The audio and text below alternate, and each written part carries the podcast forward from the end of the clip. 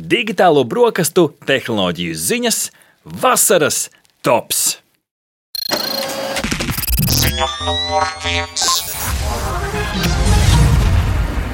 Ilgi bija Rihards jādomā, ko likt tajā pirmajā vietā, kas tad iespējams ir tā lielākā ziņa no aizdītās vasaras, bet pēc Oppenheimera filmas noskatīšanās man jautājumu vairāk nebija. Pirmajā vietā digitālajās brokastīs stāsts par Kalifornijas zinātniekiem, kas otro reizi kopš decembra ir veikuši veiksmīgu kodolsintēzes eksperimentu National Ignition Facility, kā dēvē šo iestādi ASV. Nemaz necentīšos to iztulkot, bet ideja ļoti vienkārša vienkārši.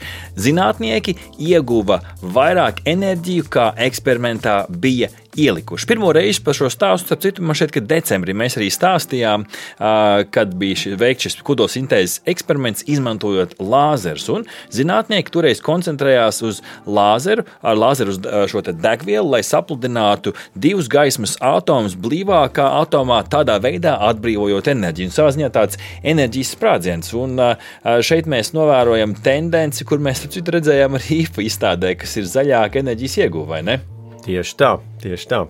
Nu, lūk, un, um, Šis eksperiments jau iedziļinoties detaļās, panāca dēvēto kodolsintēzes aizdedzi, ģenerējot 3,15 megajoulus pēc tam, kad lāzers mēķim bija nogādājis 2,05 megajoulus ar enerģiju, kā ziņoja ASV enerģētikas departaments. Un citiem vārdiem sakot, eksperiments veiksmīgs šādā kodolsintēzes veidā tika iegūta vairāk enerģija nekā tika ieguldīta. Man šķiet, ka Rihards mums bija pat saruna saruna un, uh, un intervija par šo aizdītajā sezonā. Tā kā pameklējiet uh, gan Spotify, gan uh, Latvijas Rādio 1 un abas arhīvos ir atsevišķs raidījums par šo, bet patiešām, nu, kā zinātnieks stāsta, šeit nav tās kaitīgās, kaitīgie pārpalikumi, kas ir atomelektrostacijās.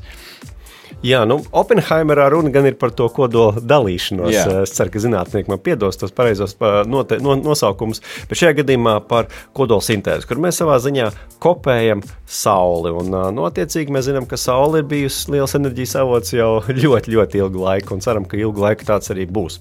Bet patiesi valsts centieni samazināt šo oglekļa dioksīdu emisijas un mazināt globālo sasilšanu, jo īpaši pēc Krievijas uzsāktās uh, kara Ukrainā un ar to saistītajām energo energoresursu cenu kāpum, kāpumiem mums arī kā sabiedrībai tas ir līdz aizdomāties par alternatīviem enerģijas iegūs veidiem. Es domāju, ka tas tikai pātrinās uh, to, ka mēs arvien, kā saka, strauji tuvosimies uh, tam, lai šis process kļūtu par arī mūsu iespējams pat ikdienas uh, sastāvdaļu. Un, uh, mums arī ir sanācis aprunāties ar dažiem jaunu uzņēmumu pārstāvjiem, kuri reiz ar šo jautājumu strādā, un ir tādi, kuri jau cenšas attīstīt šīs idejas, un tiek solīts, ka pirmos komerciāli pielietojumus uh, uh, risinājumus mēs varētu sagaidīt pat jau 2030. gadā. Mm. Es gan teiktu, ka nu, reālāk ir kādi vēl desmit gadi klāt vai pat divas desmit gadus.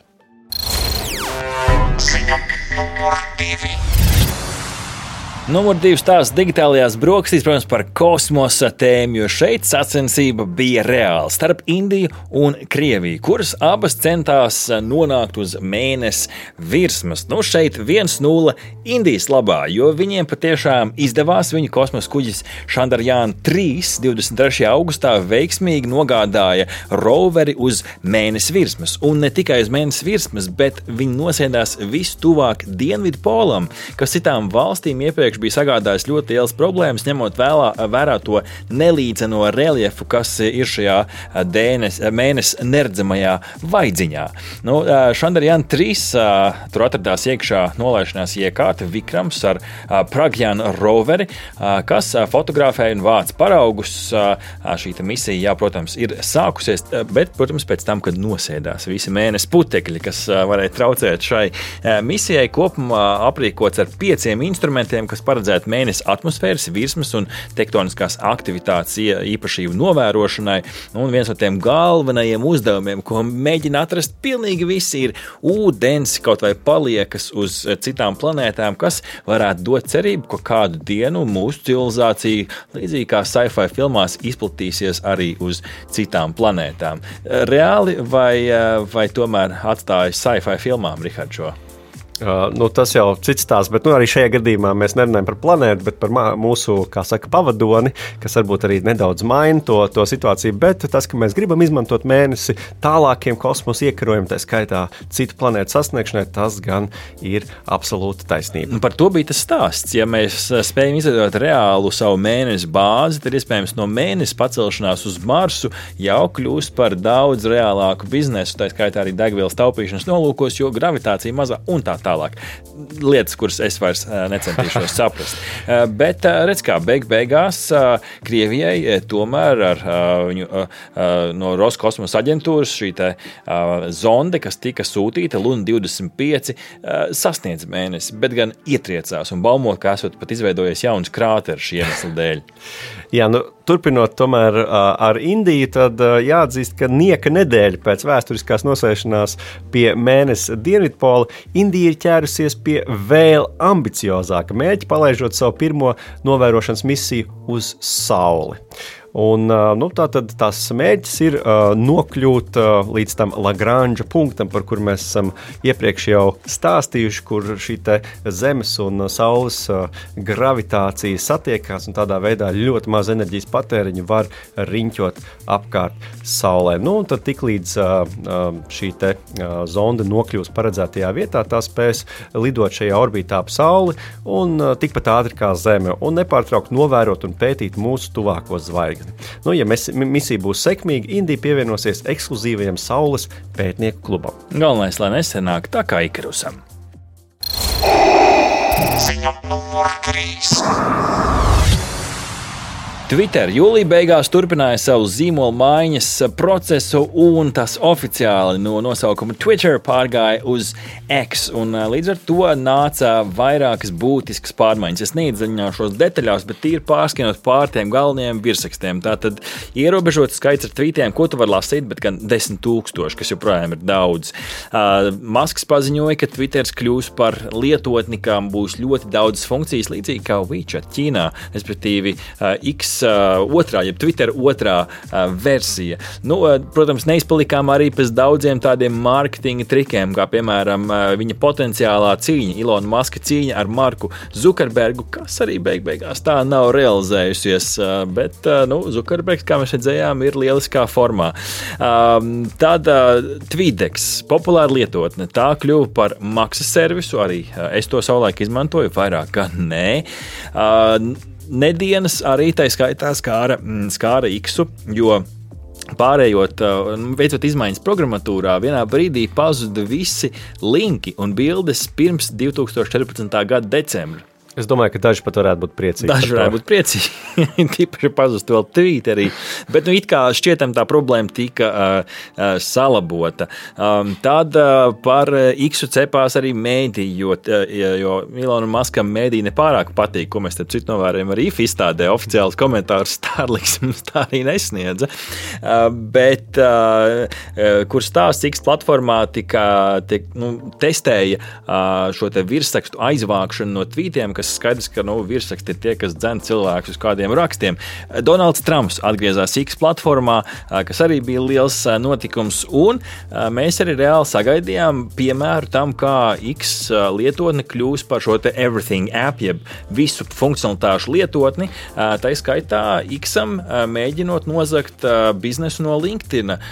Viņi mēģinās arī iedzīvināt darba sludinājumus, kas varbūt nu, piedzīs jaunus lietotājus šai platformai, kura nu, ļoti izmisīgi cenšas to izdarīt, lai nopamatotu masku ieguldījumus. Uh, Interesanti arī tas, ka pirms tam Twitter handle šis at X piederēja kādam foto un videogrāfam, uh, Džīnam X uh, Hogan. Uh, Dziļāku skaidrojumu Džīnas portālam Tekrančs nedēļa, bet uh, nosūtīja X platformā ziņu. All's well that ends well. Uh, ar jaunu handle at x1234567998765. Jā, nu, līdzīgi konti ir atņemti arī citiem lietotājiem, piemēram, at music. X atņēma tā oriģinālajiem lietotājiem, kurš to bija uzturējis 14 gadus. Ziņa numur 4. Ceturtais stāsts digitālajās brokastīs no Samsung virtuves, jo debitēja salokāmo vietāluņu Flip un Fold piektā versija. Es eh, detaļās neiedziļināšos šoreiz, jo mums ir gaidāmi apskati par, eh, par šīm ierīcēm. Tur, tur mēs stāstīsim daudz sīkāk, bet galvenā ideja Flipam - lielāks ārējais ekrāns eh, un šī aizdarīta Riharda daudz ciešāka. Jā, nu tā tad tieši tā ir iespēja beidzot aizlocīt pilnīgi ciet, neveidojas tā šķirbiņa locījuma vietā. Un savukārt Fold Gold vietā runis, nu, man bija grūtāk atrast tos jaunumus. Šķietam vienkārši labi uzlabotā esošā versija, kas varbūt pārliecinās kādus šo salokāmo vietā ruņu skeptiķus par pretējo, bet sīkāk klausieties gaidāmajos apskatos. Tas gan vienīgi, kas vienīgi jāņem vērā, un par ko mēs droši vien runāsim arī nākamajos raidījumos, IFA izstādē nu jau salokāmie vietā ruņi bija gana bieža parādība. Ziņa numur 5. Un visbeidzot, ziņu topu noslēdzam ar kādu jaunumu, kas nu, vismaz man radīja izbrīnu, ne, negaidīt no vienas puses, jo šeit pie mums pat Latvijā 2024. gadā. Tur vēl tie datumi jāprecizē, līdz kuram kas stājās spēkā, bet elektroskrējēji, šie jaudīgi elektroskrējēji, kas var attīstīt ātrumu lielāku par 25 km/h, šie iespējams drīz paliks par tādu relikviju, ar ko braukāt pa savu piemais dārziņu, jo visi elektroskrējēji būs jāreģistrē CSDD, bet CSDD sistēmā šādi superjaudīgie skrējēji vērteņi vispār nav iekļauti. Tie vairs nu, pat neskaitās kā ceļu satiksmes dalībnieki. Līdz ar to nu, es nezinu, kur cilvēki liks visus tos superdārgos skrējējiņus. Bet nu, te laikam ir pamats, kāpēc šo grib ierobežot. Kas bija tie argumenti? Laikam traumas vai ne? Nu, noteikti. Es domāju, ka arī jūs sociālajos tīklos vai arī kādās citās Uh, citos medijos esat uh, pamanījuši dažādus diezgan baisus video, uh, kuros cilvēki saskrienas vai no automašīnas ar šiem skrejteņiem, skrejteņiem vai arī kā citādi, un cilvēki attiecīgi gūst liels traumas. Tā kā šādas pārmaiņas ir gaidāmas arī skrejteņiem, bet, protams, ka vēl bija lērums ar ziņām. Varētu tikai minēt virsrakstu līmeni, iznāca Starfield video spēle, tad Google Bard mākslīga intelekta chatbots pieejams beidzot Eiropā, Latvijā elektrība pašražojošo mājasemcību skaits sasniedza 15,000, patiesībā pārsniedza. Mēs Lasvegasā ieraudzījām fantastisko LED sfēru, kas paceļās nu, daudz stāvu mājas augstumā, kas izgaismo pilsētu vēl nebijušā līmenī. Tāds jauna ekrāna paveids, un Netflix palielina savu sekotāju, ne, bet abonētāju skaitu. Tā skaitā arī šeit, pat Latvijā, izskaužot kontu dalīšanos. Par visiem šiem jaunumiem Jaunajā digitālo brokastu sezonā mēs turpināsim stāstīt jums. Aha! Paldies, ka noklausījāties mūsu līdz galam! Ja patika, uzspiediet like, atstājiet komentāru vai padalieties ar draugiem. Un nobaudiet arī citas epizodes, kā arī sekot mums, lai nepalaistu garām savu ikdienas tehnoloģiju ziņu devumu.